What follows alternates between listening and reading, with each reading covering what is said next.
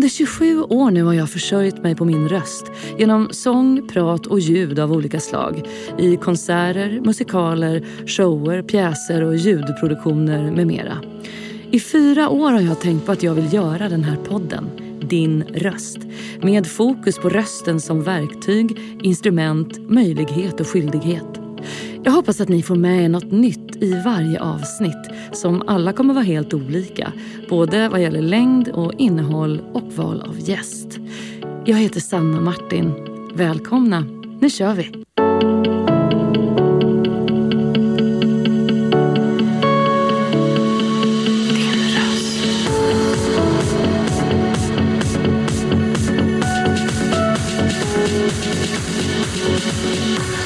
Din röst.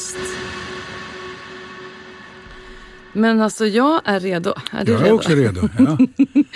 Men då är det en stor glädje för mig att säga välkommen till min podd, Din röst, Nisse Landgren. Tack så mycket. Eller ska jag vara lite korrekt och säga Nils Landgren? Nej, Nisse går bra. Det går bra. Ja. Är det många, är det, har du alltid varit Nisse? Ja, det har jag varit sen, sen jag var liten. Ja. Men eh, när jag började jobba utanför Sverige så tänkte jag att Nisse är väl ingen som... Det blir inget bra, så då tyckte jag jag kunde heta Nils eftersom... Ja, Eftersom du jag heter ju det. jag förstår. För mig är det den största ynnest att få uppleva musik som gör att det snurrar runt i huvudet, sätter fart på benen och får det att pirra i hjärtat. Ett par gånger har jag fått uppleva dessa ögonblick av ren eufori. Och det är något att vara tacksam för och något att önska sina medmänniskor. Det här är ett citat från ditt Sommar i P1 för 13 år sedan snart. 12 Det år sedan. Mm. Och då undrar jag, när du inte spelar av någon anledning, kanske till exempel under pandemin nu när det inte går. Mm. Vad gör det med dig? Ja, alltså pandemin till att börja med, den var ju både jobbig och väldigt bra. Mm. För mig och för min fru Bea så var det, vi hade en chans att vara tillsammans. Mycket mer än vad vi har varit på 30 år. Mm.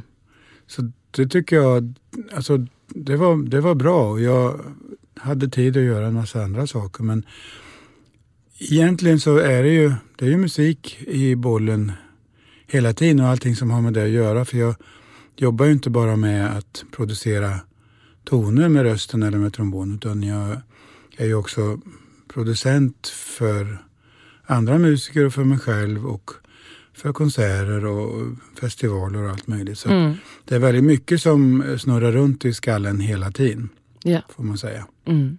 Så jag hade absolut inga problem under pandemin, Nej. utom att jag blev sjuk själv. Men Ja. jag får väl säga att pandemin var övervägande positiv trots ett massivt ekonomiskt bortfall. Mm. Men annars med dig, när du liksom inte spelar, kliar det i kroppen på liksom fel sätt då? Blir du rastlös och Nej. mår sämre? Nej. Nej.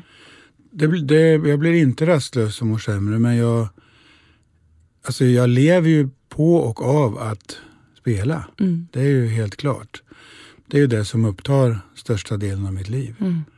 Så eh, jag, alltså, jag tror att vad som händer hos mig det är att jag hittar på något nytt. Ja men det är ju väldigt bra Ja, kraft. som jag sen då, om jag tar det tillräckligt långt så måste jag ju också genomföra det. Ja, precis. Och det kan ibland bli lite mycket. Ja, exakt. Men eh, ja, så funkar jag. Mm. Du var inne på det själv. Du är mycket mer än musiker och artist. Men du är ju musiker och trombonist och sångare, artist och bandledare, agent, konsertarrangör och professor. Och snart även konstnärlig ledare för Jazzradion. Så du har ju en enorm palett. Och idag ska jag få glädjen att prata röst med dig i olika bemärkelser. Det ska bli väldigt kul. 1956 föddes du i den lilla bruksorten Degerfors i Värmland. Och du är yngst av tre bröder. Fick du kämpa för att din röst liksom skulle höras hemma, så, hemma hos er? Ehm, Jag tror inte det, för jag tror säkert att det var så som de flesta eh, yngsta barn så blev man lite bortskämd. Eh, för jag var, ju, jag var ju yngst och så, så hette det ju att ni som är yngst, ni kan väl göra det här. Ja.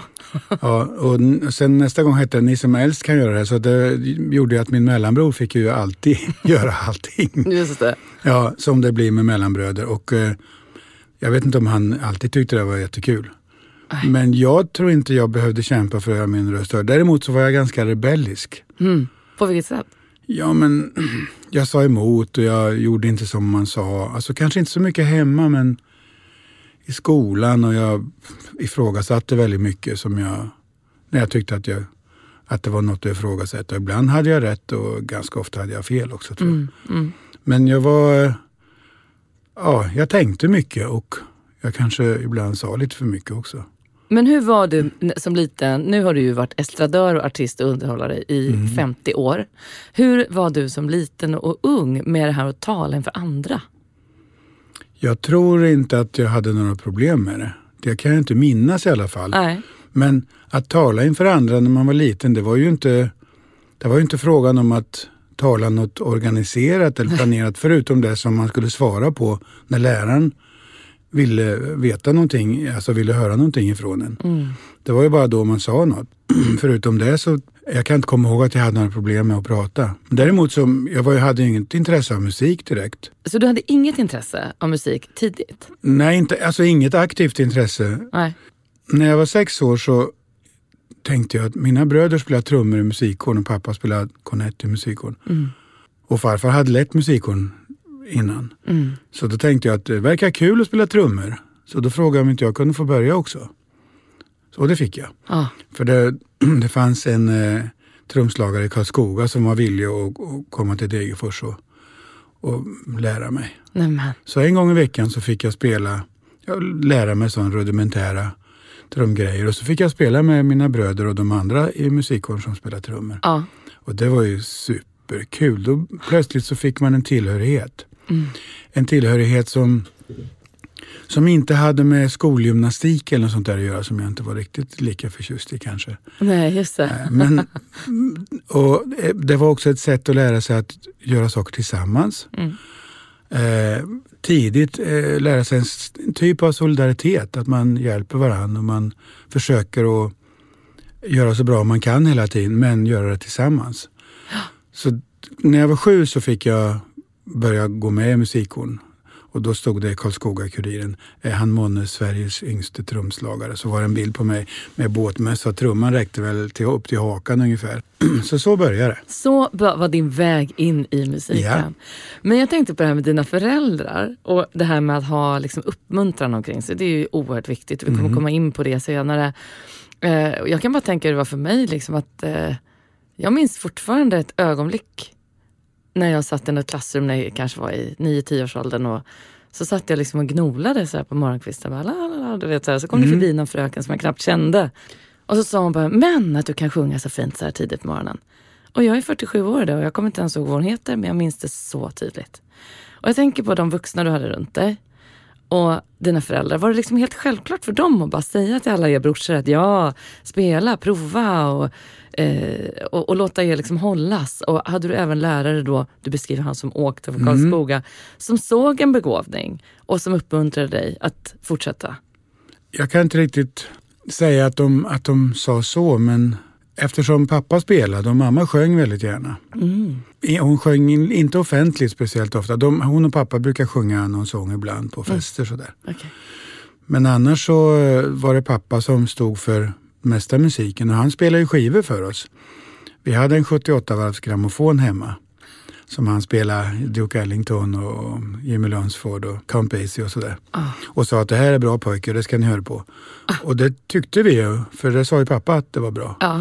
Men det var bra också. Och pappa hade en, förutom att han spelade musikkåren så hade han en, liksom en dansjazzorkester också. Så att han höll ju på väldigt mycket. Han spelade och han spelade i järnverket. Han satte igång en orkester på, på lunchrasterna i järnverket. För han tyckte, ska ni bara sitta här och glo på lunchrasten? Så pappa, kan vi inte spela istället? Det är så, helt underbart. så då gjorde de det. Så att han var väldigt aktiv med musik och det är klart, det smittar ju av sig. Ja, det gör det ju. Definitivt. Ja, eh, och mamma hon tyckte om klassisk musik så hon spelade Bedřich Smetana och sånt där och Beethoven och, och Haydn på, Ah. på skivspelaren. Så eh, vi fick mycket musik. Mm. Men ja, de gjorde inte... Pappa hade lärt sig förstår du för att min äldsta bror Per, han är tio år äldre än jag. Ja. Pappa tyckte han skulle spela trumpet. Så vid tidig ålder så ja, mer eller mindre tvingade han honom att öva. Så han låste in den i garderoben och sa nu sitter du här och över. Det gjorde han ju inte. Nej, jag tänker Nej. om man får på sig så, det gör man inte. Det. Nej, absolut inte. Han slog ju bak och ut direkt. Eh, Så han blev inte musiker, men då fattade ju pappa att det där var inget bra. så att min mellanbror Håkan och jag, vi blev professionella musiker. Just vi fick det. hållas. Precis, det där är intressant Mm. alltså. Verkligen. Men när du var 13 då så stod det helt plötsligt en trombon hemma hos er, Mm. har jag läst. Och kände du direkt då när du började spela och när du liksom tog till dig det här instrumentet att det här är mitt instrument, det här är min grej? Ja, jag tror det. Jag kände det jag, när jag provade den så tänkte jag pappa kanske kan visa mig något när han kommer hem. Hur det funkar lite bättre, för jag förstod inte riktigt. Och han visste ju ungefär, för det samma system som en trumpet ungefär. Det är bara att man trycker på ventiler istället för... Ja, det är svårt att förklara, men Ja. det är ungefär samma system. Men alltså jag tycker det ser så svårt ut Nisse. Du vet, jag tycker det ser ut att vara det svåraste instrument, instrumentet som finns. Ja, det ser ju väldigt konstigt ut. Man drar i ett Nej, men att du bara ska veta hur långt du ska dra och sådär. Det är ju fruktansvärt svårt tycker Jo, jag. det är det, alltså. men det lär man sig. Det är, alltså rent tekniskt så är det sj- sju stycken naturtonserier som man kombinerar ihop. okej. Och det är precis samma. Det är liksom 1, 2, 3, 4, 5, 6, 7. Okej. Där man är ända längst ut. Ja. Och på en trumpet så är det tre ventiler. 1, 2, 3, 4, 5, 6, 7. Ah.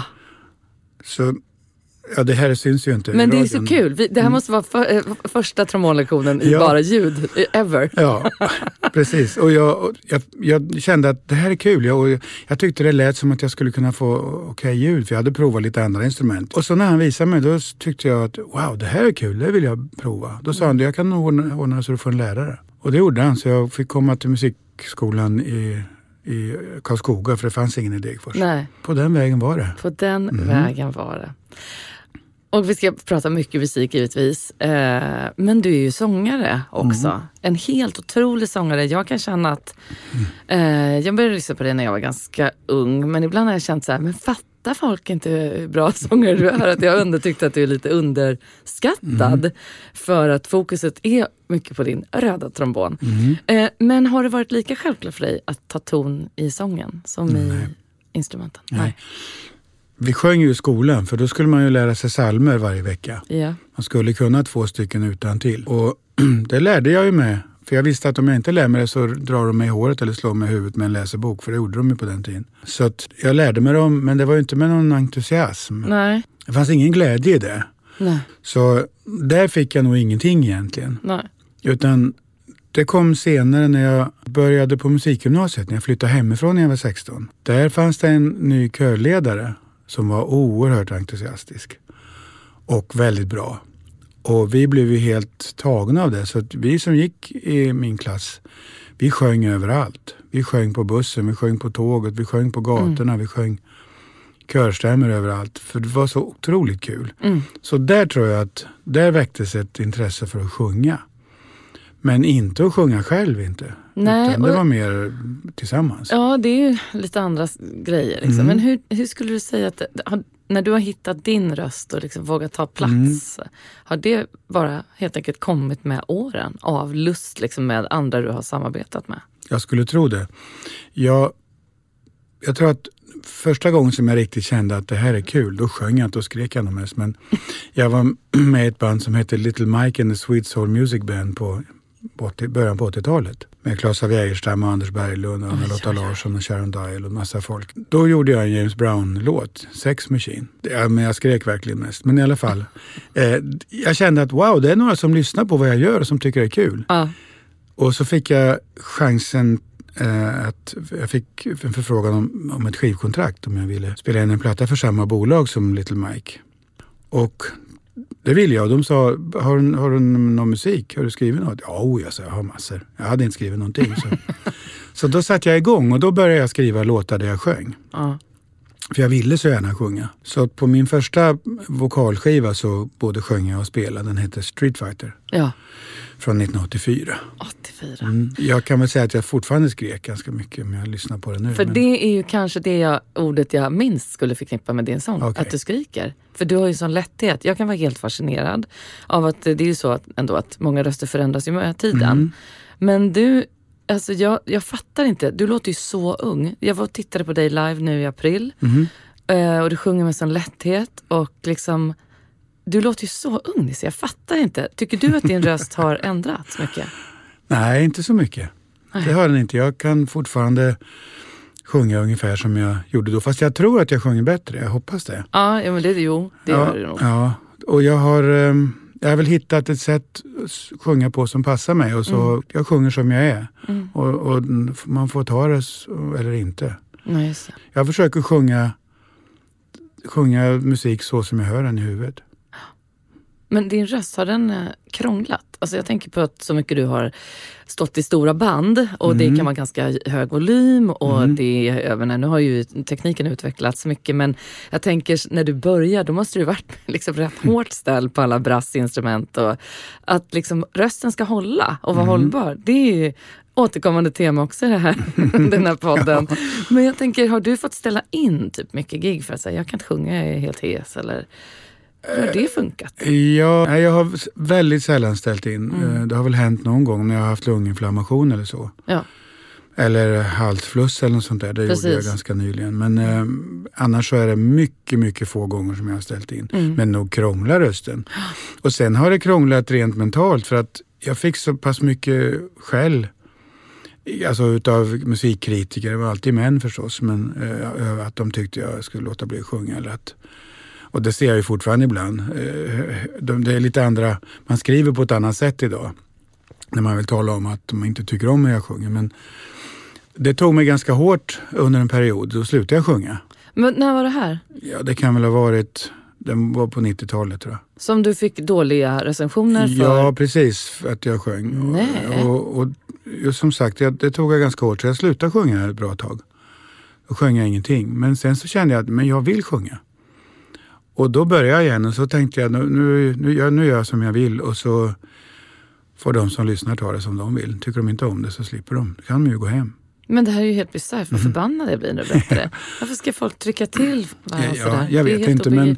Jag har ju bestämt mig för att de ska inte bestämma över mig. Nej, För, och det är ju också så att i första hand så sjunger jag ju faktiskt för de som är där för att lyssna på mig. precis. Och sen blir jag glad om någon skriver någonting positivt men, men jag kan ta om de inte gillar det. Den här podden görs i samarbete med R-Functional, en klimatneutral funktionsdryck från Åre. De vill i allt de företar sig göra det de kan för att ta ansvar för vår miljö och framtiden för vår planet. De vill att människor idag ska kunna leva och bo i samhällen fria från skadliga ämnen i både jord, luft och vatten. R-Functional tror på att ge människor tillgång till törstsläckande drycker, lokalt producerade i Sverige, framställda på naturligt mineralvatten och berikade med naturliga ingredienser. Genom ett för miljön minimalt belastande sätt levererar de fossilfritt från sin tillverkning i Åre och ut till sina kunder i resten av Sverige. Allt för att göra så små avtryck som möjligt på den här planeten och för att vi och nästa generation ska kunna känna naturens krafter även i framtiden. Läs mer på rfunctional.com. Mitt intryck av dig är ju en aldrig sinande musikalisk inspirationskälla med en röst som jag har lyssnat mycket på sedan jag var i 20-årsåldern. Inte minst din och Johan Norbergs duo Chapter 2. Jag har sett dig live då och då och noterat också att du är ett föredöme i att lyfta fram andra när du spelar. Eh, och kollegialt, jag gjorde också en platta 2011 där jag satt hemma och inte hade så mycket jobb och mejlade olika branschkollegor för eventuella samarbeten. Och då mejlade jag bland annat dig när du var konstnärlig ledare för Bohuslän Big Band. Och jag minns att du var en av ganska få som direkt svarade supertrevligt på mitt mejl. Så bara en sån sak tycker jag är värt att nämna, för det gör verkligen inte alla. Men mitt allra första minne av dig, det är från 1984 när jag var nio år och hörde dig på tv när du gjorde en duett med Lill Lindfors. Den berömda versionen av Den blomstertid nu kommer.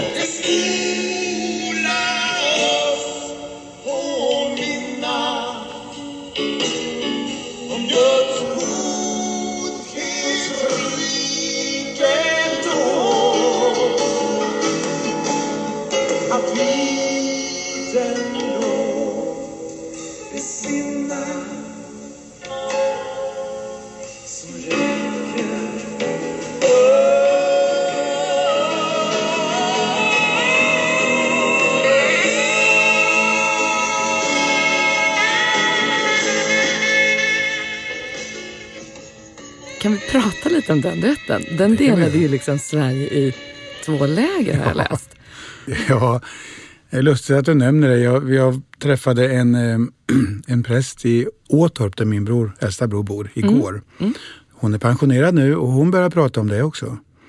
För hon tyckte det var så himla bra. Hon hade gått in på Youtube igår och tittat på det. Ja, men alla som hör detta måste göra detta.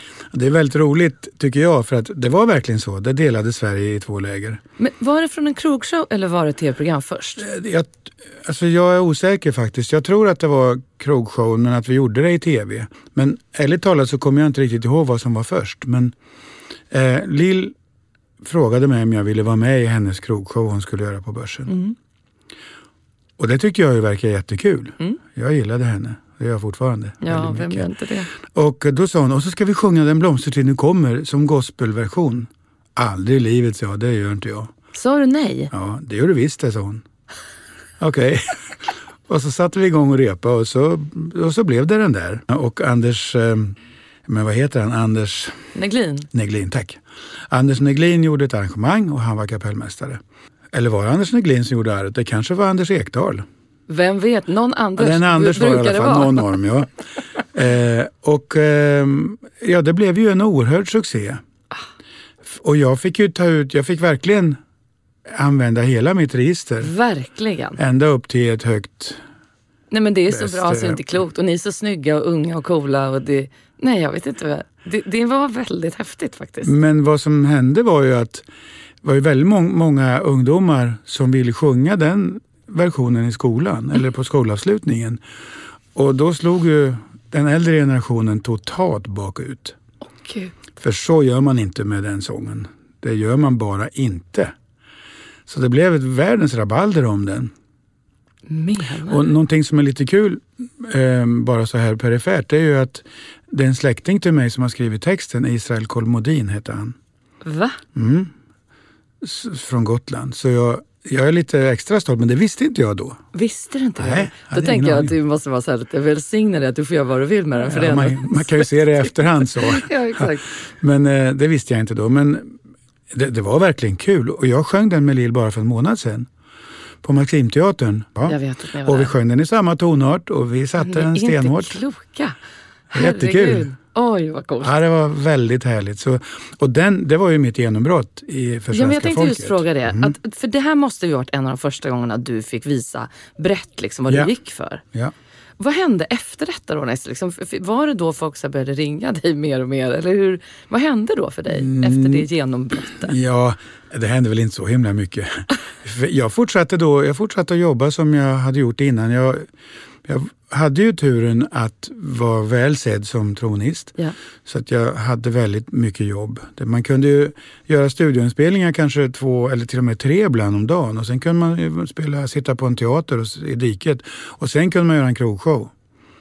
Så alltså det, var, det tempot går inte av för hacken? Nej, och sen kanske det var, ja du vet man kunde sitta på och göra Janne Loffe Karlsson på Cirkus på dagen också. Så, det, så det var väldigt, eh, väldigt intensivt, väldigt ja. roligt och ja. det var kul att känna sig eh, behövd mm. förstås. Mm. Eh, så det fortsatte, men sen så var jag väl... Jag försökte ju skaffa mig en, en egen karriär kan mm. man säga. Mm.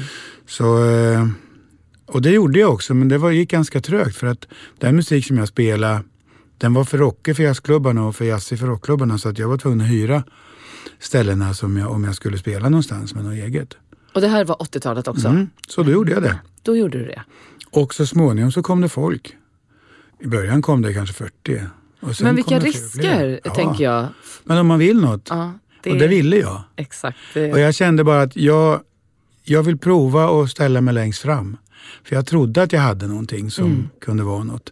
Alla sa, det där går inte. Ställ, gå, gå, ställ längst bak, det är ingen idé. Nej. Än när man spelar trombon. Just det. Men så gjorde jag det i alla fall. Och så, ja.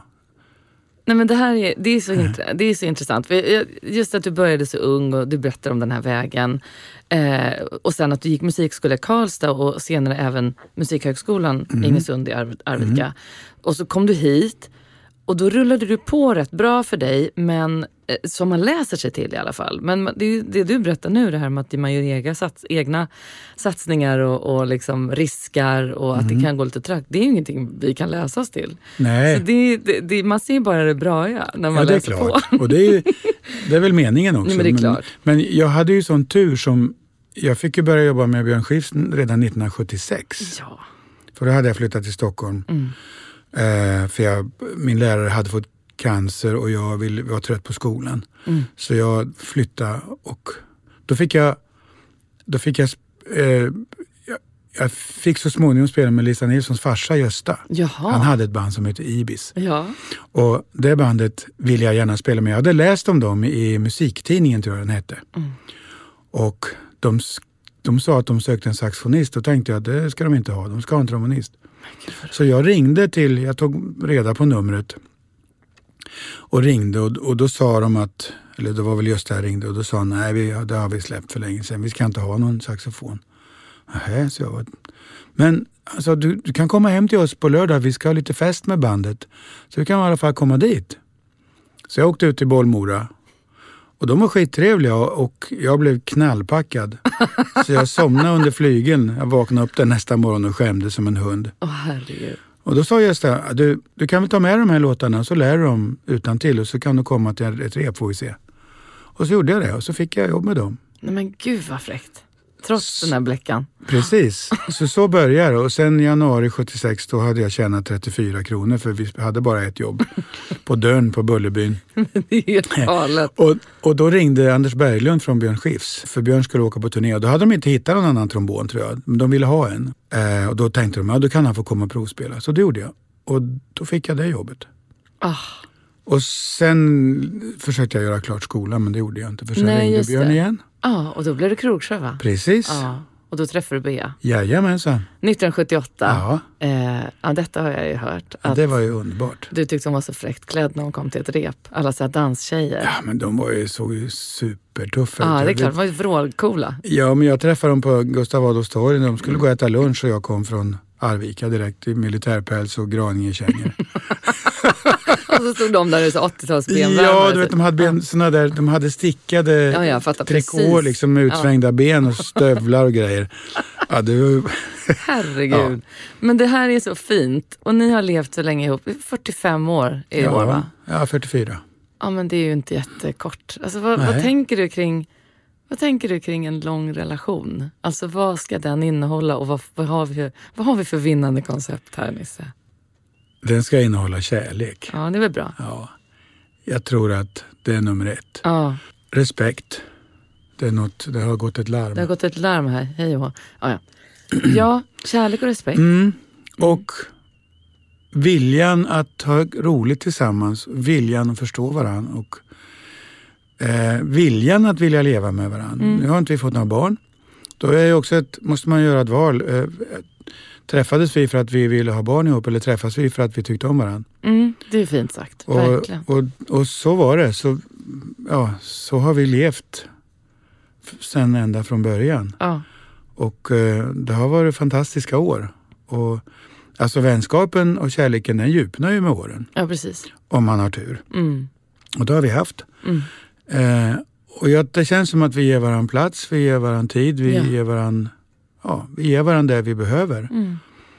Och, ehm, ja, det kan väl vara ett, ett eh, vinnande koncept. Men Verkligen. det är ju ingenting som man kan skriva folk på näsan att de ska göra för det är ju så individuellt hur man Exakt. fungerar som människa. För oss har det fungerat väldigt bra. Vi, vi trivs ihop. Vi, Mm. Det är det roligaste som finns att vara tillsammans fortfarande. Hon är en kalasmänniska också. Ja, det tycker jag med. Så att Ja. det, jag förstår att, att ni trivs. Mm. ja, det gör vi. Och jag tror att om, när man fortfarande kan sitta och bubbla över middagsbordet Mm. efter så här många år och skratta och ha roligt och utbyta erfarenheter, då, ja, då har man lyckats lite grann i alla fall. Verkligen, Mm. sannerligen. Du har ju varit konstnärlig ledare som jag sa för Bohuslän Big Band och du leder ju ditt band Funk Unit Mm. och har ju varit ledare i ganska många olika sammanhang. V- hur tänker du kring det här med ledarskap? Hur är du som ledare och chef? I, i, ja, hur ska jag... Hur ska jag definiera det själv. Jag tror att jag är någon som gärna arbetar tillsammans med andra. Alltså jag vill inte jag vill inte att man ska känna att det är jag som bestämmer allting. Utan jag vill bestämma tillsammans med dem jag jobbar med. Mm. Eh, Det är i alla fall så jag hoppas att, att, att, eh, att, att det verkar. Mm. För det är så jag vill att det ska vara. Ehm, Jag kan peka med hela handen om det behövs, men jag vill gärna ha med mig alla. Mm. Jag tycker det är roligare om vi kan göra saker tillsammans Ja. än att jag ska sitta där och säga hur alla ska göra och skälla på alla hela tiden. Ja, men eller hur? Och jag har sett, eftersom jag har jobbat så mycket i Tyskland, så jag har sett, de har en annan, annan chefskultur. Ja. Vi lever ju liksom i en slags konsensusvärld hela tiden. Och jag har fått lära mig den hårda världen att det gör man inte överallt. Vilket också har varit bra erfarenheter. Mm. Att där åker man på en käftsmäll direkt och sen, sen kan man börja snacka Ja. som folk. Eh, och det har varit väldigt bra. Jag har varit chef för jazzfestivalen i Berlin och jag är fortfarande chef för eh, Jazz Baltica sedan många, många år i, i norra Tyskland. Så att jag har, jag har verkligen eh, både bra och dåliga erfarenheter utav hur det kan vara Ja. någon annanstans. Och det har jag försökt att lära mig av Mm. i min egen roll som chef. Att försöka vara inkluderande, att försöka vara, att ha ett medbestämmande. Att på ett tidigt stadium visa alla som jag ska jobba med att, att vi gör det här ihop. Mm. Eh, Och jag tror, alltså hittills har det fungerat i alla fall. Vi får Ja. se hur det går framgent. Men Men det här med att turnera då. Du har ju, eh, vad har du snittat på? 200-250 resdagar per år Mm. under många, många, Mm. många år. Och du har blivit ett stort namn i många andra länder, bland annat Tyskland som du var Mm. inne på och Österrike med flera. Hur är detta att liksom komma till olika kulturer? Hur, hur liksom var det här för dig i början? Och, och liksom anpassa dig till så här, åh herregud nu är vi här och då ska det gå till så här. i början så var det ju inte så lätt. Alltså jag började, jag spelade första gången i, det hette Östberlin då, i början på 80-talet med en amerikansk bandledare som hette Thad Jones. Mhm. som var då världens mest berömda nutida storbandskompositör och Ah. storbandsledare. Då hade, jag hade läst tyska lite grann i skolan, eller jag hade läst det i fem år, men jag, man läste ju inte, man hade det. Ja, just det. Lite skillnad. Ja, men jag var den enda som kunde prata lite tyska när vi var där. Så jag fick agera lite tolk där. Det var väldigt bra. För då kunde jag börja lite försiktigt och ja, återuppväcka den där tyskan som jag hade haft i skolan. Mm. Sen dröjde det många år. Till 91 då fick jag erbjudande att spela på en nystartad festival som heter Jazz Baltica. Okej. Som jag nu är chef för. Det hade jag tagit en, en, på, liksom en bättringskurs på en vecka. Så jag kunde lite mer men inte alls. Så då blev jag den som fick ta, göra intervjuer och sånt där. För vi var massor med nordiska musiker som inte kunde tyska. Och de tyska journalisterna skrattade ju ihjäl sig för jag, jag förstod ofta inte frågan riktigt så jag visste inte riktigt vad jag svarade på. Så det blev ganska lustiga intervjuer med och vet, fel ordföljd och fel syftningar och fel allting Ja. fullständigt kass grammatik. Men i och med att jag fick vara på den här festivalen så fick jag komma tillbaks och komma tillbaks och komma tillbaks. Och då kunde jag ju fila lite grann på det där. Mm. Och 1997 så fick jag erbjudande att börja i Nordtyska radions storband. Det var jätteintressant. Så jag provspelade och fick en provanställning och så fick jag jobbet. Mm. Och så flyttade jag till Hamburg. Jaha. Och då kunde jag ju börja lära mig. Vet, för då, då, då tänkte jag men då kan jag ju lyssna på hur de pratar och så kan man försöka i, i snabbköpet och ja, i, ja, den, all, alldagliga. lite. Ja, precis. Och tyskar är ju som de rättar en också Ja, just det. när Det man säger fel. Ja. Så då fick jag verkligen sätta igång och hämta tillbaks den där skoltyskan och sen gö- göra om den till ett, ett språk som fungerar. Ja, just det. Och det, var ju, det, det var fantastiskt. Det var väldigt roligt och spännande och lite skrämmande att vara eh, icke-tysk i Tyskland. Ja. Och då ha- hade jag ju ändå fördelen av att vara nordisk för det funkar ju, det var ju enklare än, om du skulle komma från Somalia. Det var ju liksom en milsvid skillnad på hur man blev behandlad och så vidare. Så Just det. där hade jag ju alla fördelar. Mm. Eh, Men eh, ja, det var, var jätteintressant och jag, jag jobbade där som trombonist i fem år. Mm. Och sen blev jag chef för den orkestern i fem år. Så att Mhm. Jag har en tysk agentur, jag har ett tyskt skivbolag och Så jag pratar ju tyska varje dag i princip. Ah, ja, okej. Så då underhåller jag ju det. Ja, det är ju Om magiskt. du Det är tänk- verkligen färskvara. Ja visst är det. Ja. Om du tänker att det bor eh, 85 miljoner i Tyskland på samma yta som Sverige. Så finns det väldigt mycket att göra där. Ja. Om man har turen att, ja, att få chansen att komma in och att folk gillar vad man Mm. gör. Alla dessa samarbeten och möten tänker jag på artister du har Mm. samarbetat med. Och du har ju spelat typ överallt, åtminstone liksom i, både i Sverige och på väldigt många andra ställen. Ja, ja. Finns det liksom ögonblick som du sådär kan skaka fram och samarbeten eller vad det nu kan vara som sticker ut när du tänker tillbaka på din karriär? Ja, det finns så himla många för att det är så olika hela tiden. Det, det, det är ju ytterligheter. Man kan säga det är ju som till exempel när jag, den första gången jag spelade på den där festivalen Mm. i Aspaltica. Då var det mer eller mindre en, en jättestor frias-kollektiv som spelade. Aha. Så att det var väldigt lite skriven musik. Det var oerhört mycket som vi hittade på. Eh, och det hade jag gjort förut. Jag, jag spelade mycket i Holland på 70-talet och spelade frias. Men här var vi så många. Det var tre trummisar och två basister och massor med blåsare. Och, så det var, det var ju en erfarenhet. Och sen från det till att spela funk med Maceo Parker som spelar med James Brown. Så det är en, en väldigt stor skillnad. Men den gemensamma nämnaren är ju glädjen till, till musiken och glädjen till att hitta ett samspel. Just det. Vare sig det är en fri puls eller en oerhört markerad puls som, och kanske enkel melodik som det är med, med, när vi spelar funkmusik. Mm. För det bygger det mesta på eh, rytmik Mm. och eh, ja, att det ska kännas i hela kroppen. Man ska Mm. inte behöva tänka så himla mycket. Nej, precis. Men det är klart att jag har haft när jag spelade med Thad Jones, när han ringde mig och frågade om jag ville komma med till Italien. Och, um, han startade ett nytt storband där. Med jättemånga musiker som jag hade beundrat sedan jag var liten. Mm. Det är klart att det var en fantastisk upplevelse. Mm. Och att få spela med Pat Metheny och Michael Brecker och, och um, alla möjliga. Det var också en sån där upplevelse som gör att man, eller Herbie Hancock, som man känner att är jag med om det här? Mm. Eller här drömmer jag? Ja. Och det, alla de grejerna är, är, det är tack vare Jazzbaltica. Så att jag fick göra det där är ju helt fantastiskt. Ja. Och att jag sen då fick chansen att ta över den festivalen efter min föregångare som gav mig alla de här chanserna. Det är ju helt... Så det försöker jag göra nu. Att ge unga musiker chansen att spela. Jag På den vet. festivalen. Ja, och det gör du ju på fler, ännu fler ställen. Ja, det gör jag. Eh, och du har ju sagt att du vill att din trombon ska vara en förlängning av dig, Mhm. ett kommunikationsredskap. Och jag tänkte vi skulle prata lite om just saker som du verkligen är engagerad i och där din röst och instrument verkligen har kommunicerat. Engagemang är ju mångt och mycket liksom den röda tråden till att jag vill ha de här samtalen i den här Mm. podden. Och eh, ja, det människor gör med sin tid och sin plattform och sin röst, det kan göra stora avtryck och stor skillnad. Och som jag har sagt, jag tycker att du eh, sticker ut som ett föredöme kring de här frågorna i Musiksverige. Därför att när vi till exempel var och tittade på dig i eh, våras på Musikaliska så hade du en konsert som hette I afton Landgrens. Där du beskrev inte bara din utan även din familjs väg in i musiken.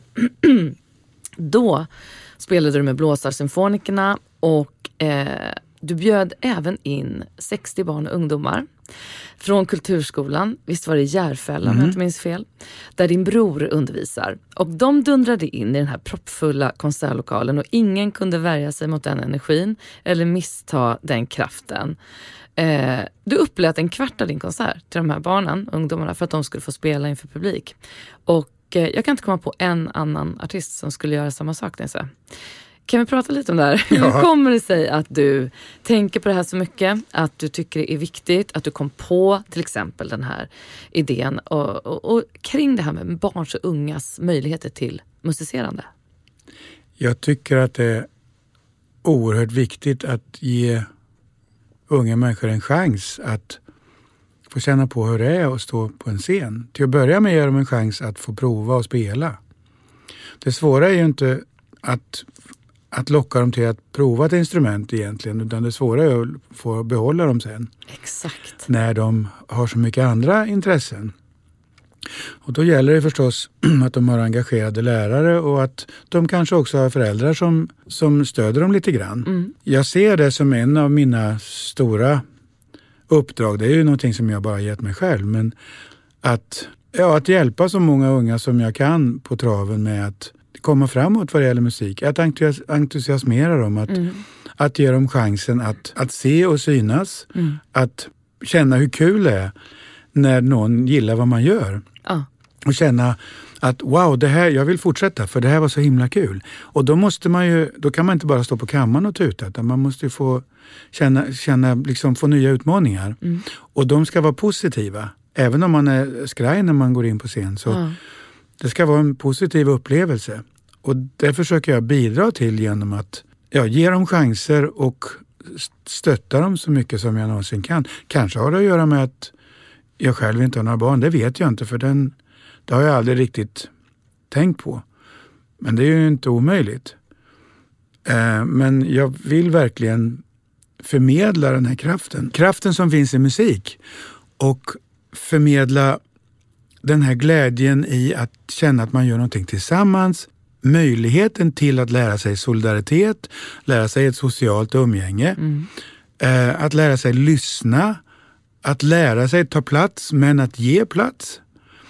Eh, att helt enkelt lära sig att ta vara på det här rummet men att göra det tillsammans. Jag kommer ofta tillbaks till det här tillsammans. För att jag tycker att det är så det funkar bäst om vi gör saker tillsammans. Solidaritet är ju ett ord som är nästan inte gångbart längre. Men det har ju liksom ingenting med kommunism att göra utan det är ju bara en medmänsklig åtgärd. Ja, jag tar gärna tillbaka det på alla, alla fronter. Det är Ja. jättebra begrepp. Det är faktiskt det. Och eh, det, nej men du sätter fingret på så himla mycket som är viktigt. Jag tänker också på, för två månader sedan så aviserade ju regeringen att anslagen till Kulturskolan kommer minska avsevärt nu i kommande budgeten. Och du är ju långt mycket mer insatt än vad jag är i liksom hur arbetet eh, på riktigt går till i Kulturskolan. Eh, men det vi med säkerhet kan säga är ju att det här kommer att bidra inte bara till att färre barn kommer att få ta del av att lära sig musik. Inte bara att färre barn kommer att få förstå det du beskriver. Så här, kraften i att jobba tillsammans, lära sig ett socialt samspel i till exempel en kulturell kontext. Eh, men det innebär ju också följaktligen att de kommer behöva ägna den tiden åt något annat. Och då kan vi ju lätt räkna ut att om vi riktar blicken mot utsatta områden så är detta milt uttryckt en väldigt felbedömd åtgärd skulle jag säga. Hur går dina tankar? Det kan jag bara hålla med om. Den är oerhört felbedömd. Men i och med att ehm, ja, i det här läget så har väl, som jag kan se i alla fall, Sverigedemokraterna har ju väldigt starkt inflytande på regeringen. De har ju liksom hittat en plats utanför regeringen där de kan påverka utan att egentligen ta något ansvar. Vilket ju är katastrofalt tycker jag. Ja. Och det gör ju då att det här måste ju egentligen, det drabbar ju inte bara eleverna utan i slutändan måste det ju även drabba lärarna. För att finns det inte pengar så måste man ju skära ner även på lärarkåren. Ja. Det innebär ju att i, i slutändan så tror jag att man satsar på en slags nedmontering utav, utav kulturskolesystemet. Eh, och det måste vi ju försöka, det ska vi motverka med alla medel vi kan. Därför att den här chansen till att kommunicera genom musik, både eh, med de man spelar med, men med en publik idag och imorgon och i framtiden. Den, är ju, den blir ju bara viktigare och viktigare därför att det här kommunikationsredskapet, det är ju i, alla fall som jag ser det, det mest direkta sättet att kommunicera med en annan människa. Därför att det går ju förbi, du behöver inte tänka ens, utan det går rätt in i skallen. Det går rätt in i kroppen. Det är någonting som vi mår bra utav. Jag vet inte vad man vill ersätta det med. Nej. Eh, Det är ju ingen som säger. Nej, och sen stör jag mig ju extremt mycket på att man vill gärna liksom hävda att här, Sverige är ett föregångsland för att exportera musik och, och, och liksom pengarna ska rulla in och skatten ska in och innovationerna och Spotify det är svenskt, det är så fantastiskt, bla bla bla bla. bla. Men dels typ under pandemin så förstod man ju inte ens att våran bransch är en bransch. Nej. Utan det kallas liksom för en slags sektor. Och eh, där alla håller på med sin hobby och går på bidrag. Och det var så sjuka missförstånd så att jag höll på att brinna upp. Så att vi är ju en näring som liksom tillför både, tycker jag var så fint, det var faktiskt Jan Scherman som skrev om det i någon någon krönika under pandemin att vi är ju en näring som, som liksom fordonsnäringen också. Men vi ger ju näring. Vi är ju näring Precis. till människors Ja. själar. Vi är näring på, på alla sätt. Ja, faktiskt. Eh, och jag, jag har vä- väldigt svårt att se ehm, hur, hur, jag förstår hur de tänker men, men jag, jag kan ändå inte riktigt eh, se hur de tänker, vad, hur det ska le, vad, vad det ska leda till. För att som du säger, ehm, det är ju en väldigt stark näring och man är så stolt över musikexporten. Och det är klart att alla kommer ju inte från, från kulturskolan, det är ju självklart. För många kommer ju från någon annanstans som har framgång. Men kulturskolan spelar en väldigt stor roll i det hela. För det kan vara den första kontakten med musik överhuvudtaget. Och den kontakten som gör att man vill fortsätta. Och det gör ju också att tar man bort det här då, då i slutändan så drar man ju faktiskt undan mattan för det här svenska musikundret på sätt och vis. Självklart. Ja, och då sjunker ju inkomsterna. Ja. För det är färre som drar in pengar. Yes. Eh, och Okej, hur vad ska man göra sen då? Mm, precis, så att folk ser ju inte att det här hänger ihop. Nej, Jag ska tagga alla partier i det här avsnittet. Så Ja, det de tycker jag. måste lyssna på det här. Ja. För det är så obildat. Och då kommer vi också in på, tycker jag, det här med bildningsperspektivet. Att kultur är i mångt och mycket så mycket bildning. Och allmänbildning. Och Mm. hänger ju ihop med skola. Som man så fint säger att man ska lyfta nu. Men då kan man liksom inte bortse från den här typen av skola. För det hänger ju ihop ja att vi väcker tankar och även om du själv inte vill fortsätta med ditt instrument så kanske du har fått andra idéer av folk du har träffat i en kreativ miljö som kanske får dig att vilja bli producent eller, eller författare. Eller, jag, menar, jag, jag kan inte förstå om man tänker så snävt. Det kan inte jag heller. Och till exempel idag så finns det många företag, jag vet inte hur många i Sverige, men många utanför Sverige som har som anställningskrav att man ska spela ett instrument eller att man ska hålla på med musik på något sätt. För då vet de att då har man en social förståelse. Ja. Vilket är ganska viktigt när man ska bygga ett team. Vi är ju snabbast i världen på att bygga team. Ah. Vi som jobbar med musik och teater och Just det. dans. För vi har bara kanske en dag eller en vecka eller något sånt på oss att göra det. Exakt. Eh, så att det är verkligen någonting att titta på för företag som behöver folk som kan jobba i grupp på en gång. Verkligen. Här tycker jag att näringslivet har fattat lite. Att de faktiskt kan titta på kulturvärlden. Ja, de har fattat. Ja, men politiken har inte fattat det. Nej, i, i och med att man ofta, eller fortfarande ser det som någon slags hobbyverksamhet Absolut. så har man ju inte förstått mycket. Nej. Det får jag säga. Jag har ett litet system där olika gäster får skicka frågor till varann och ibland så blir det en hälsning från någon annan. Och du skickade en hälsning till min gäst i avsnitt fyra. Mhm. Och det var till en annan Degerforsare. Och nu ska du få, på förekommande anledning om det vi pratar om, en fråga tillbaka från Göran Hägglund. Hej Nisse! Skönt för en degerforsare med en period så här mellan säsongerna då man inte behöver ha hjärtat i halsgropen hela tiden. Du, jag har en fråga till dig som handlar om det här med bläckblås eller blåsinstrument. Det tycks ju som att det är ganska få unga personer som börjar spela blåsinstrument eller åtminstone som fortsätter att spela blåsinstrument. Är det så att det här är oundvikligt eller finns det något som kan göras för att rädda kvar de orkestrar som finns och att vi ska vända utvecklingen så att det kommer till nya blåsorkestrar så att fler ungdomar får känna på det fantastiska att spela tillsammans med andra med de kraftfulla instrument som just blåsinstrumenten utgör. Vad tror du? Ja, vad tror du? Det är klart att vi kan vända på det. Och vi är många som försöker. Som verkligen jobbar aktivt för det. Till exempel som du nämnde Blåsarsymfonikerna. De jobbar väldigt aktivt och vi eh, arbetar också tillsammans med att försöka nå så många vi kan och entusiasmera dem.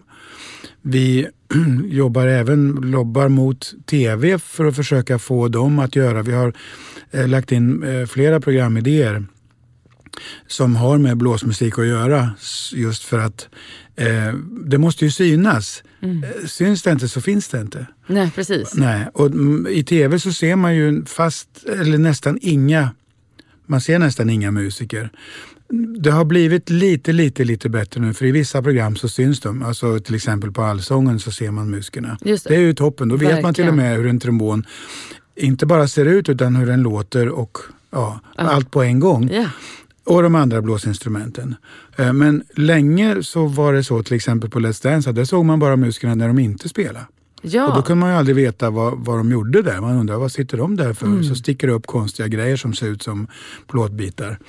eh, så att, synligheten är ju jätteviktig. ja. Och där har ju egentligen eh, SVT en, en väldigt stor chans att hjälpa till att ändra det här. Just det. Vi har, jag har inte sett några som helst tecken på att de vill än. Men eh, vi ger ju inte upp. Nej. Och sen att försöka att träffa så många ute i landet som möjligt. Jag försöker att jobba så mycket med amatörorkestrar, storband, blåsorkestrar, eh, allt möjligt ute i landet för att eh, dra mitt strå till stacken, att entusiasmera dem, visa vad man kan göra med ett instrument, visa dem att till och med om man spelar trombon så kan man faktiskt, man kan bli en solist som kan leva på det här. Man kan till och med bli lite känd Ja. på det. Eh, för det är också en viktig faktor för väldigt många. Man vill synas. ja, absolut. Eh, jag vill inte synas bara för att jag ska synas. Jag vill synas för det jag gör. Mm, att du kan någonting. Ja, att jag kan någonting. Men lik förbaskat så är det viktigt. Men jag tänker att han, han ställer en väldigt bra och viktig fråga men den, den bollas ju direkt tillbaka till det politiska tycker jag. Kulturskolan är ju också ett sätt för de som faktiskt inte har råd att gå privat. Ja. Eh, att det är lite billigare. Precis. Kan vi inte nedmontera det? Nej, det kan vi inte göra. Jag kan säga till Göran direkt, det, det korta svaret är jo, man kan göra någonting åt det och vi jobbar på det. Och vi kommer också lyckas med att göra någonting åt det. Ja. Om tio år så kommer Sverige översvämmas av trombonister och trumpetare och fagottister och eh, hornspelare och alla möjliga. Därför att de har, folk har, kommer att ha sett det på tv, de kommer tycka wow vad kul, fagott, det har jag aldrig hört talas om, det måste jag prova. Eller trombon, vilken grej, man står och drar i något och så låter det skitkul.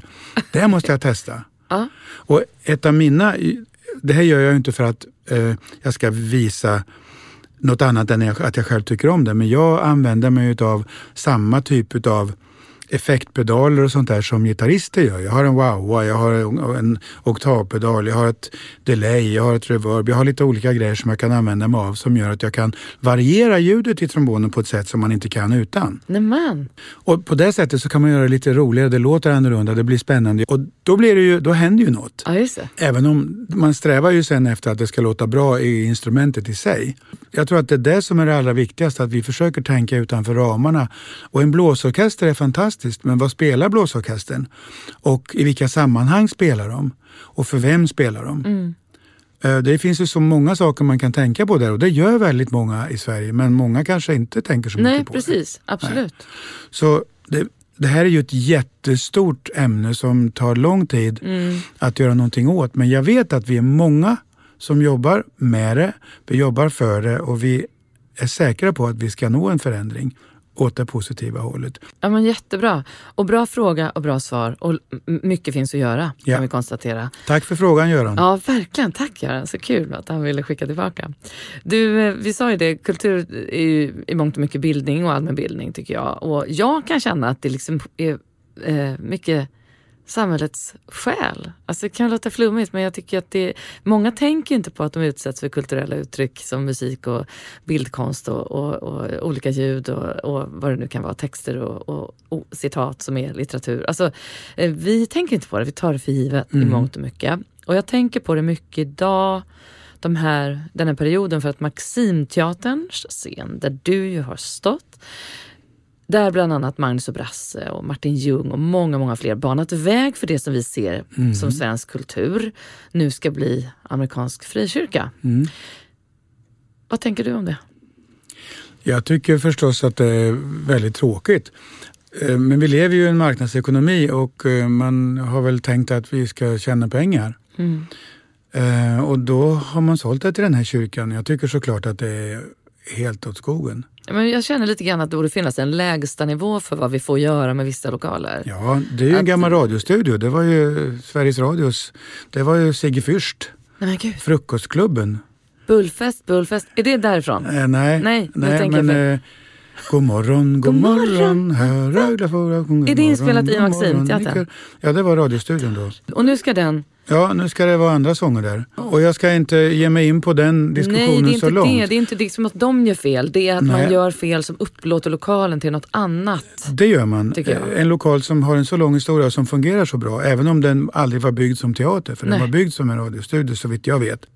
Allting har sin tid givetvis. Ja, precis. Men jag tycker att, och jag tror att bostadsrättsföreningen faktiskt har, de har börjat reagera för de är inte så sugna på det roliga är där heller. Jag tänker att de förstår inte vad de har gjort för att det kommer ju Nej. låta mycket mer nu. Oj, det kommer låta mycket mer och det kommer låta väldigt annorlunda. Och mycket oftare. ja, hela Och det är tiden. mycket de inte har tänkt på. Ja, det är mycket de inte Ja. har tänkt på.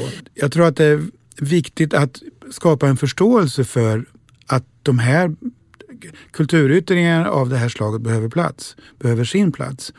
Och som du säger, vi utsätts ju, eller utsätter oss omedvetet för kultur hela tiden. Alla går med lurar i öronen och lyssnar på musik. Eller en bok, eller en podd. Man ser ju konst, offentlig konst överallt i stan, eller ö, egentligen överallt. Vi utsätts för kultur som vi inte tänker på hela tiden. Hela Först tiden. när den försvinner så kanske man börjar tänka på det, men då är det ofta för sent, som Ja. kanske i det här fallet. Mm. Så därför så gäller det att vi, att vi som medborgare engagerar oss i kultur helt enkelt. För att kultur är det som håller oss uppe. Och om du tänker efter, till och med yoghurt är ju kultur. Ja, precis. För det blir ingen yoghurt annars. Nej. Nej, Man måste sant. tillsätta en bakteriekultur för att det ska bli yoghurt. Ja, exakt. Ja. Allting vi, vi håller på med är, är någon slags kultur. Mm. Och det som du och jag sysslar med är ju en väldigt viktig del Mm. utav det. Och väldigt många tar del utav den. Mm. Men väldigt många fler skulle kunna ta del av den om de bara visste att den fanns. Och nu ska man ju ta bort att, man ska vara, att det ska vara gratis på, på museerna till exempel. Det är ju en intäkt som jag tycker att staten, staten borde bara strunta i. För det första är det så lite. Det är så lite. Och det, det stänger också möjligheterna för väldigt, väldigt många att få ta del av ett kulturellt utbud Absolut. som är jätteviktigt Mm.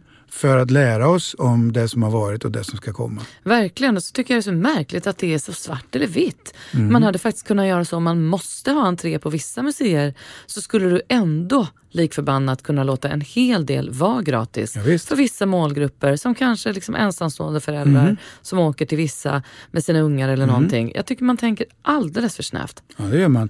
Men det är ju nya tider. Mm.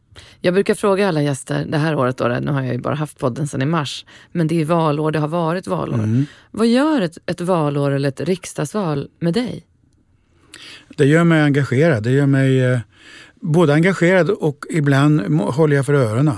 Mm. För jag orkar inte. Nej. Men eh, det gör med mig att jag blir orolig, jag blir engagerad och eh, det skapar givetvis också förhoppningar. Just det. Och ibland så infrias förhoppningarna och ibland inte. Mm. Men eh, i det här fallet så, så är det ju ett magplask. Eh, Så får vi se hur det ska gå. De kanske kan rätta upp det, det är ju ingen som vet. Nej. Men det ser ju lite risigt ut så här just nu, får man säga. Mm. Vad, när, vad går du och tänker på för, för samhällsutmaningar eller stora politiska frågor nu för tiden? Vad är det som, som tar upp mest tankar hos dig? Alla de människor som, som inte har det lika bra som jag, Ja. de som knappt får det att gå ihop, som, som då får ännu mindre hjälp.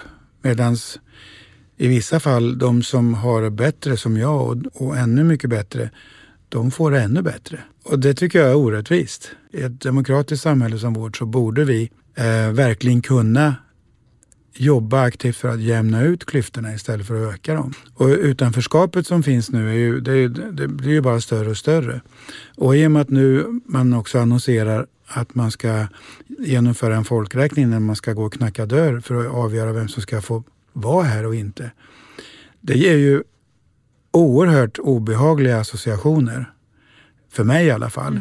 Det, det leder ju liksom rätt tillbaks till 30-talet och det är ju det sista som man ska utsätta någon för i Sverige, ja. tycker jag. Och ditt band Funk Unit har nära samarbete med Läkare Utan Gränser i projektet Funk for Life. Mm. Där ni bland annat har arbetat i Kenya och i Sydafrika. Och tanken är att med musikens hjälp skapa sociala sammanhang för barn och ungdomar för att hålla dem borta från kriminalitet och droger bland annat. Eh, hur kom den här idén till dig och vad, vad har du upplevt och liksom fått syn på genom att vara engagerad på det här sättet? Det var så här att jag, jag lärde känna Läkare utan gränser när de kom till Sverige. Och då kände jag att jag, jag vill göra någonting så jag kontaktade dem och frågade skulle man kunna göra några konserter på Jazzklubb Fasching för att dra in pengar till er. Det tyckte de var bra, så det mm. gjorde jag. Och sen gick det många år och sen fick de en ny generaldirektör som hette Dan Serman, en fransman, som var väldigt musikintresserad. Och han började umgås med Magnum Coltrane Price som spelar bas i mitt band och Magnus Lindgren som spelar saxofon. Mm. Och även med mig. Och vi började prata om det här och samtidigt så hade jag en, ett gudbarn som började sin läkartjänstgöring i Sydsudan och jobbade i något eh, läger där. Och då parallellt så började vi prata om att man kanske skulle kunna göra någonting för att göra livet lite lättare för till exempel ungar i ett flyktingläger eller vad det nu kan vara. Men sen så blev eh, alla Läkare utan gränser anställda de blev utslängda ur Sydsudan som eh, spioner, mm -hmm. hette det plötsligt. Så det sprack ju hela den idén, så var det ju krig hela tiden. Men sen föreslog den Sermond att vi kanske kan åka till Kenya för att just nu är det ganska lugnt där. Och om vi åker till Kibera så har vi en bra infrastruktur där och då kan vi se till så att ni kan komma dit utan att få några problem. Mm.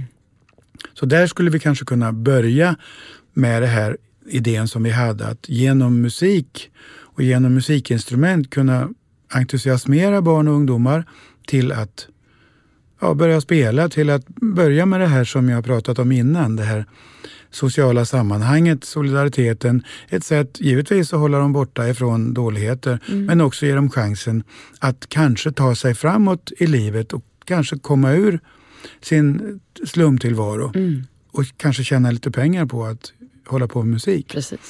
Det var väl kanske idén. Så började vi helt enkelt. Vi släppte med oss vi samlade ihop så mycket instrument vi kunde. Vi fick från kommunala musikskolan som det hette då. Ja. Och vi fick ifrån, eh, jag fick lite grann från Yamaha, jag köpte lite instrument. De såg till att reparera dem och så släpade vi med dem. Ah. Vi tog med oss också, vi fick med oss naturfilmaren Mattias Klum. Ja, som jag ska träffa i vår. I ja, vad kul! Ja, och Mattias är ju en, en, en, god vän, har blivit ah. en jättegod vän. Och, så han tog med sig ett litet filmteam. Wow! Och så gjorde vi en dokumentär utav det här också.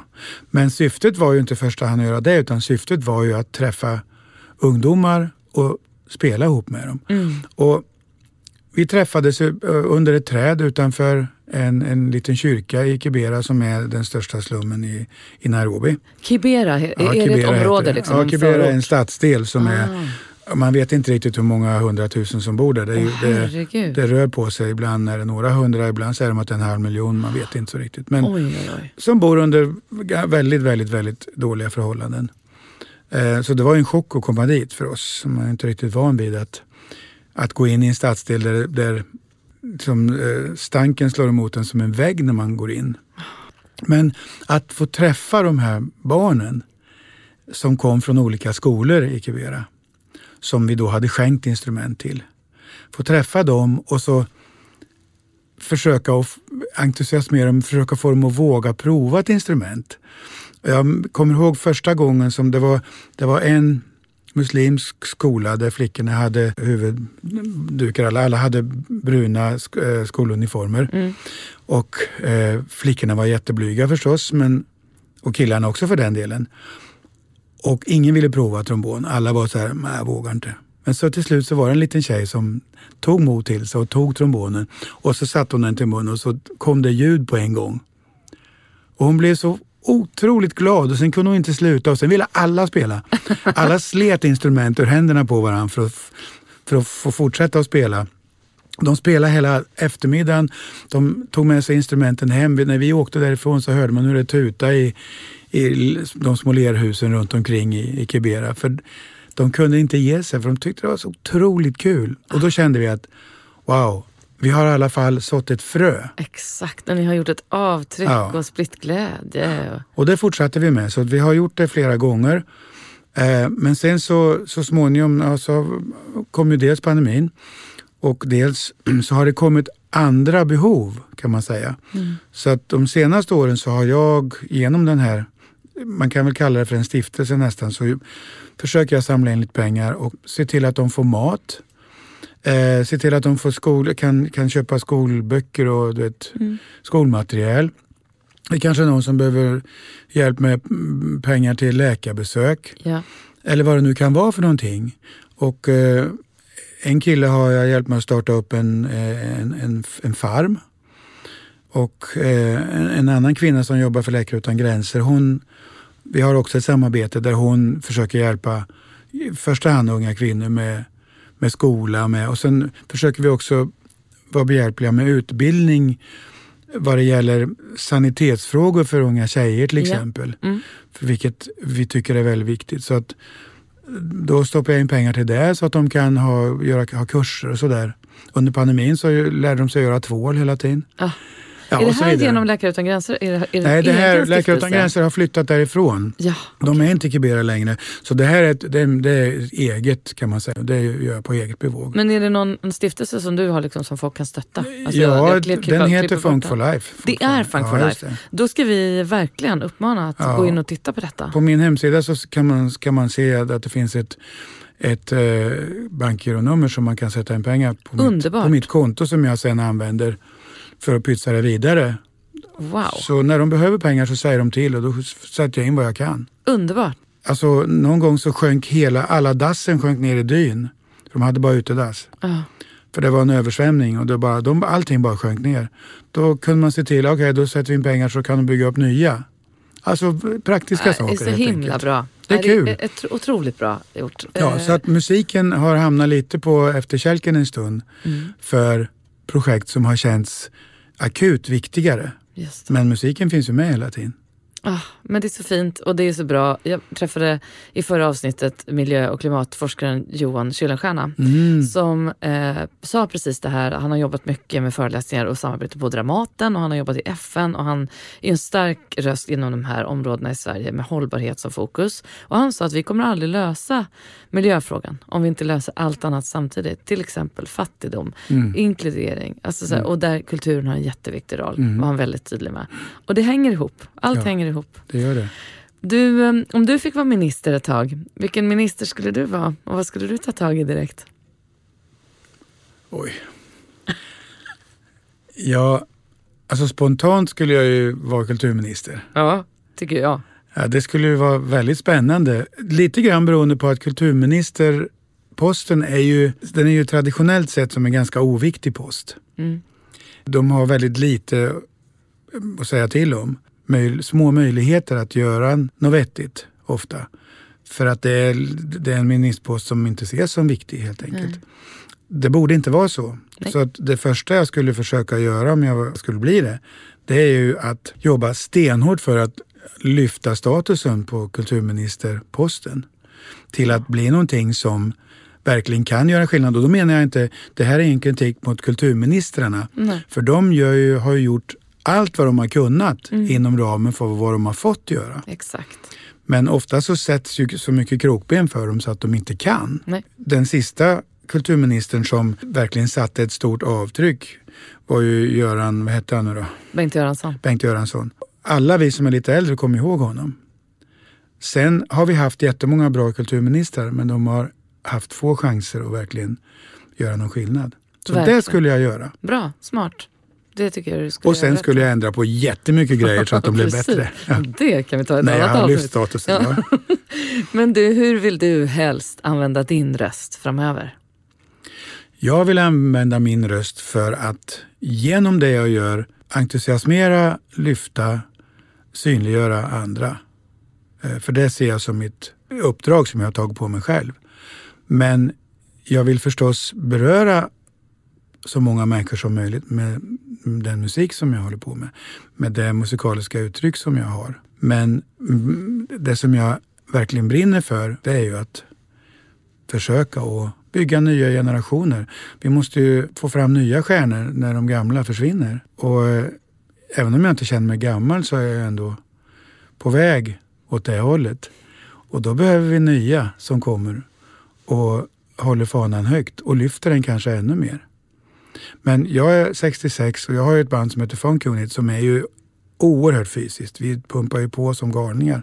Och det är också ett sätt att hålla mig ung, för det är så fantastiskt roligt att se också hur det fortplantar sig hos en publik. Ja. Um, vi spelade nyligen i Paris på en klubb som heter New Morning. Utsålt och folk, alltså det, det är som en, hela lokalen rör sig som ett. Sen åkte vi till Normandie och spelade i en stor teater för tusen personer, samma sak där. Sen åkte vi till Zürich och spelade på en stor festival. Samma sak där. Så åker man till jazzklubb Fasching och spelar tre dagar där. Utsålt och alla är med hela vägen. Hela publiken är med från början till slut. Ja. Och lyssnar, rör på sig, ja, är med både fysiskt och psykiskt. Och det är en sån fantastisk känsla. Vilket gör att det är en del av det jag vill fortsätta med. Och så andra sidan så vill jag gärna sjunga en vacker ballad som jag älskar för att försöka förmedla det uttrycket mm. till de som lyssnar. Mm, det gör du med den äran, verkligen, Tack. och har gjort länge. Jag är så glad att jag fick prata med dig. Det var ett underbart samtal om allt från musik till engagemang. Tack så tack mycket. för allt du har gett oss och fortsätter ge. Det gör och jag du, och tack du för att du gör det här. Tack. Och det här blir liksom julavsnittet. Hurra. Så vi säger god jul till er som lyssnar och god jul till dig Nisse. Tack, och god jul till dig, god jul till alla från Tomtenisse. Från Tomtenisse. Och tack ni som har lyssnat för att ni hänger med. Och jag hoppas ni fortsätter lyssna nästa år. Tack till R Functional också för att ni vill vara med och stötta det demokratiska samtalet. Vi hörs igen. Hej då!